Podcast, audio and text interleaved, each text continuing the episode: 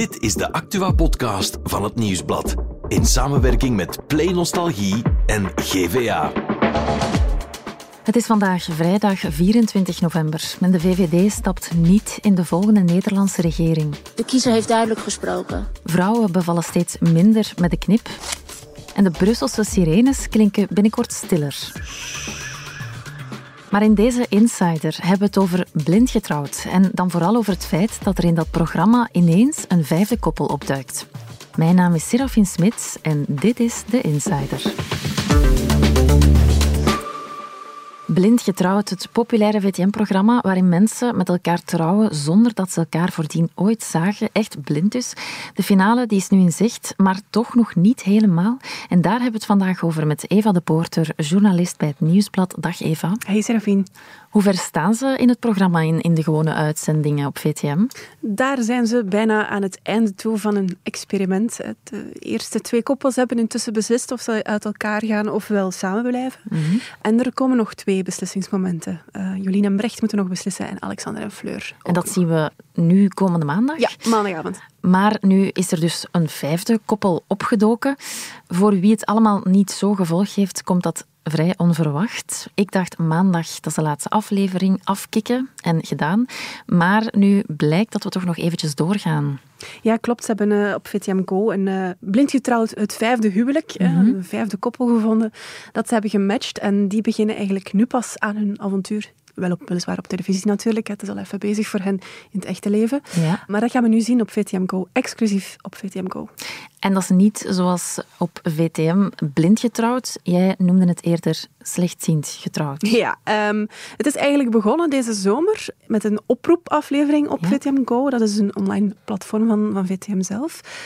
Waarin ze drie singles voorstellen die ze nog niet hebben kunnen matchen, maar waar ze wel potentieel in zagen. Mhm. Eén van hen is nu uitgekozen, dat is Karen. En die gaat meedoen aan Blind Getrouwd. Daarvoor hebben ze een match gevonden. En wie is Karen? Karen is een eh, 27-jarige vrouw. Zij is uh, lesbisch. En zij stelde zich zo voor.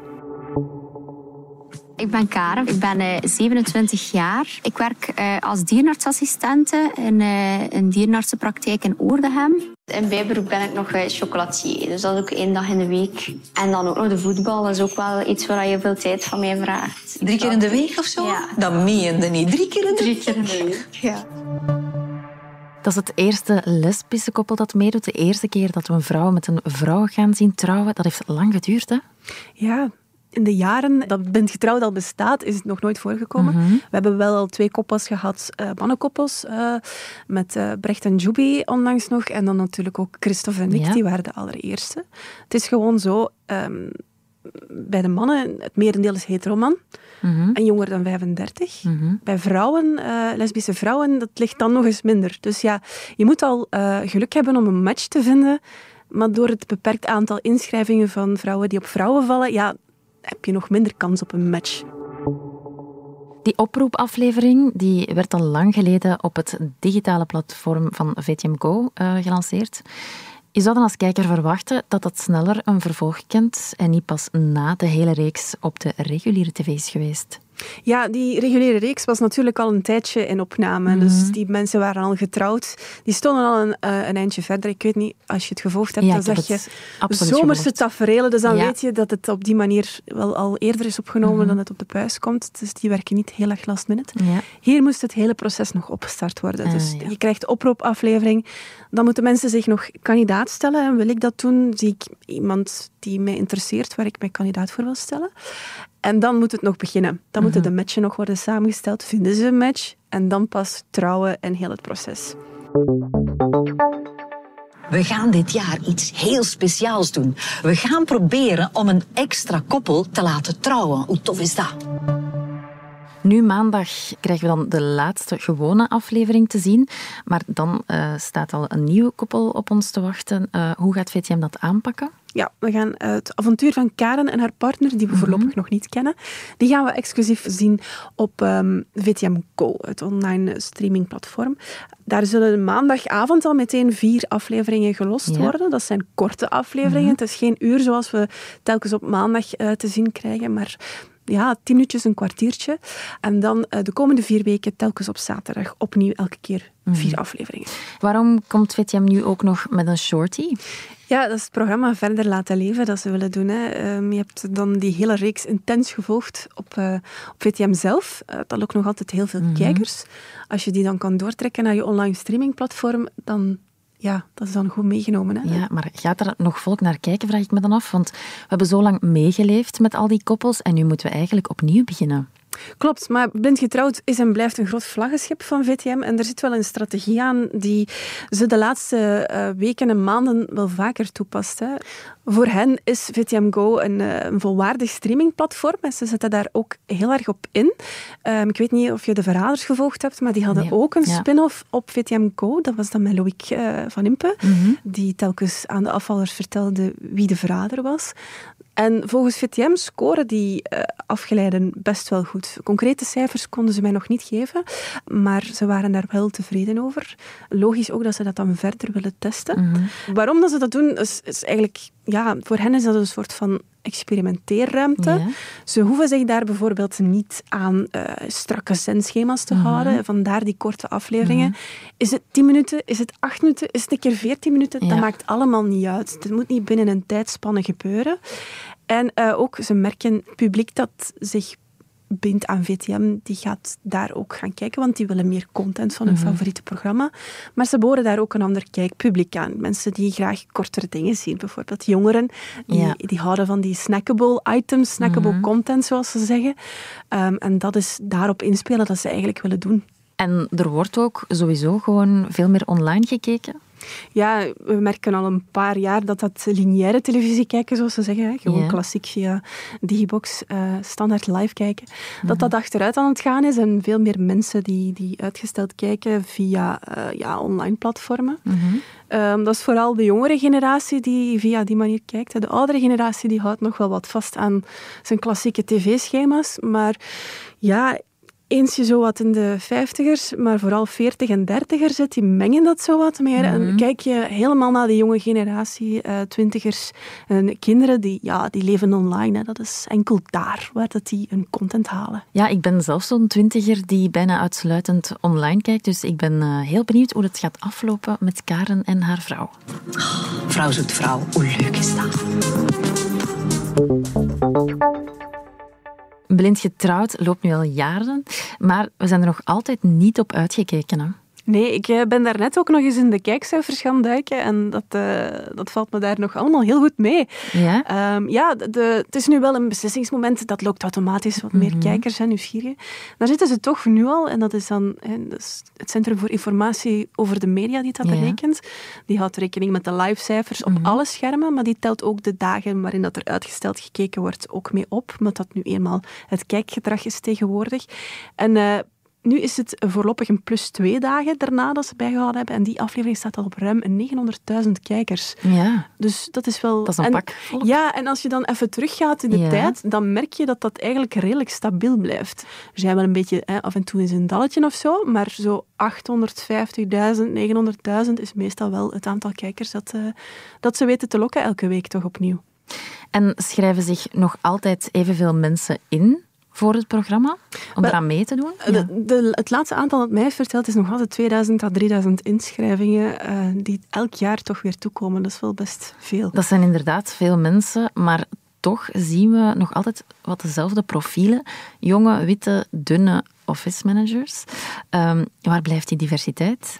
Ja, dat is, uh, de makers zijn zich daarvan bewust hè, dat dat een probleem is. Ja. Um, maar het is een programma, zo zeggen ze zelf, waar ze... Ja, actieve casting, dat, dat gaat niet. Um, en wat bedoel je met actieve casting? Ja, echt gaan zoeken naar, naar bepaalde profielen van dat willen we erin krijgen. Mm. En op die manier de boxjes afvinken, dat gaat niet. Mm -hmm. uh, want uh, daar gaat een hele selectieprocedure aan vooraf. Hè. Je moet best wel een intensieve vragenlijst uh, bij het inschrijven invullen.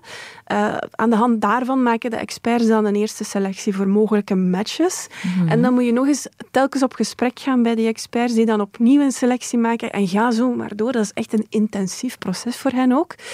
Als je echt actief gaat selecteren, dan is dat geen spontane match meer ook en verlies je eigenlijk een beetje de essentie van je programma.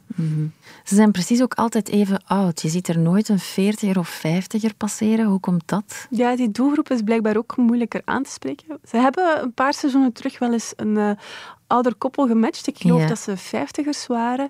Ze hadden ook kinderen, hadden ook al een huwelijk of een relatie Ja. achter de rug die eh, wel langdurig was. Maar ja, het, het is een uitzondering. Hè. En ja, mensen die op zoek zijn naar een relatie en zich willen beginnen settelen, daar kijken ze naar ook natuurlijk.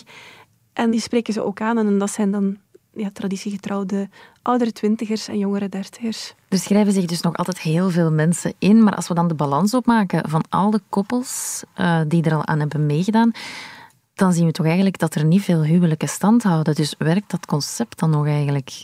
Ja, je zou zeggen van, hè, er zijn niet veel koppels die overblijven. Als er één op de vier zegt van, we blijven samen tot een, allez, zelfs na het programma, dan is het veel. Maar toch zijn er al zeven kinderen eh, minstens uitgekomen. Dus eh, het is vrij vruchtbaar, zou ik zeggen. Hè? Zou blind getrouwd iets voor jou zijn? Eigenlijk. Nee, nee, echt niet. Eh, voor verschillende redenen. Eén, huwelijk zegt mij helemaal niks. Oké. Eh, maar vooral, ik denk dat ik eh, th- thuis niet uitgelegd krijg bij mijn ouders. Eh, ik denk dat er een onterving in zit dan als ik dat doe. Dat is jammer, want ik had anders graag wel jouw avonturen gevolgd. ja, toch niet. Oké, dankjewel Eva om dat eventjes te komen uitleggen. Graag gedaan. En voor het andere nieuws is Nathalie erbij komen zitten. Dag Nathalie. Dag Serafine. Na de overwinning van Geert Wilders bij de Nederlandse verkiezingen is natuurlijk nu vooral de vraag hoe gaat die regering samengesteld worden? Ja, en uh, eer ze daaruit zijn zal het nog wel even duren. Maar wat we ondertussen wel al weten, is dat het zonder de VVD zal zijn. Hoezo? Wel, VVD, de partij van afscheidnemend premier Mark Rutte, waar nu Dylan Jezilgus fractieleider is, uh, heeft laten weten niet in de volgende regering te willen stappen. Voor de VVD, als je kijkt naar de afgelopen 13 jaar en deze uitslag, betekent dat wij een andere rol uh, gaan pakken. En dat betekent in ons geval dat wij niet in een kabinet gaan zitten. En welke rol is dat dan? Ze zegt dat ze wil met de VVD wel een uh, centrumrechts kabinet steunen als een soort van gedoogpartij, maar ze zou het niet oké vinden om ministers te leveren vanuit een stevige verliezende partij.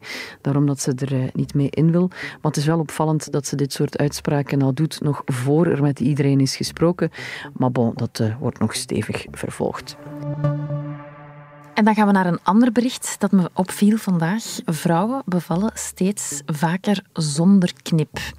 Jij bent al bevallen, dus jij weet wat dat is, zo'n knip. Twee keer, één keer met een knip en telkens je het woord zegt, dan voel ik hem terug. Oef. Alhoewel, het was met epidurale verdoving en zo. Maar goed, um, ja, dus, dus dat is echt knippen. Echt een knip. Om te bevallen, ja. om doorscheuren te vermijden eigenlijk.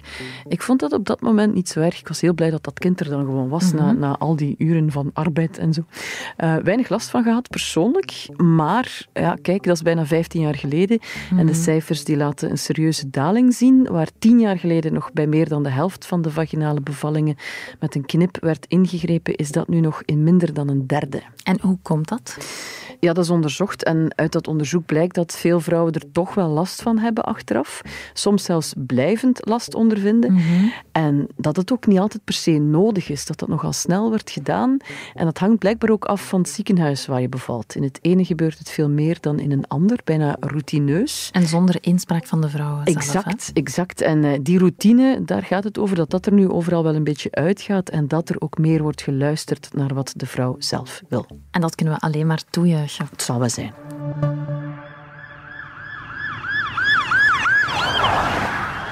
Dan gaan we naar de hoofdstad, naar Brussel, want sirenes van ambulances daar, hm? die gaan minder luid klinken vanaf 2025. Ja, en niet alleen ambulances, maar ook die van uh, politie- en brandweerwagens, want het zijn er veel. Het zijn meer dan 2000 voertuigen die met hun sirenes daar uh, ja, rondcrossen ja. in Brussel, om maar te zeggen. En dat is niet voor iedereen even leuk. Hoe bedoel je? Dat is slecht voor de slaapkwaliteit. Mm -hmm. Het geeft de Brusselaars ook een verhoogd niveau van stress en angst zelfs.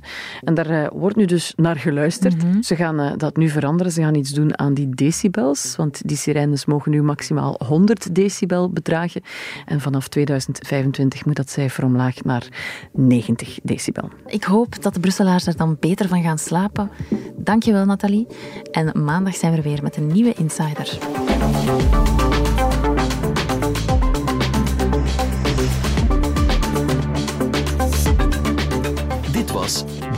Insider, een podcast van het Nieuwsblad in samenwerking met Play Nostalgie en GVA. De muziek is van Pieter Santens. De montage gebeurde door House of Media. Wil je reageren? Mail naar podcast.nieuwsblad.be.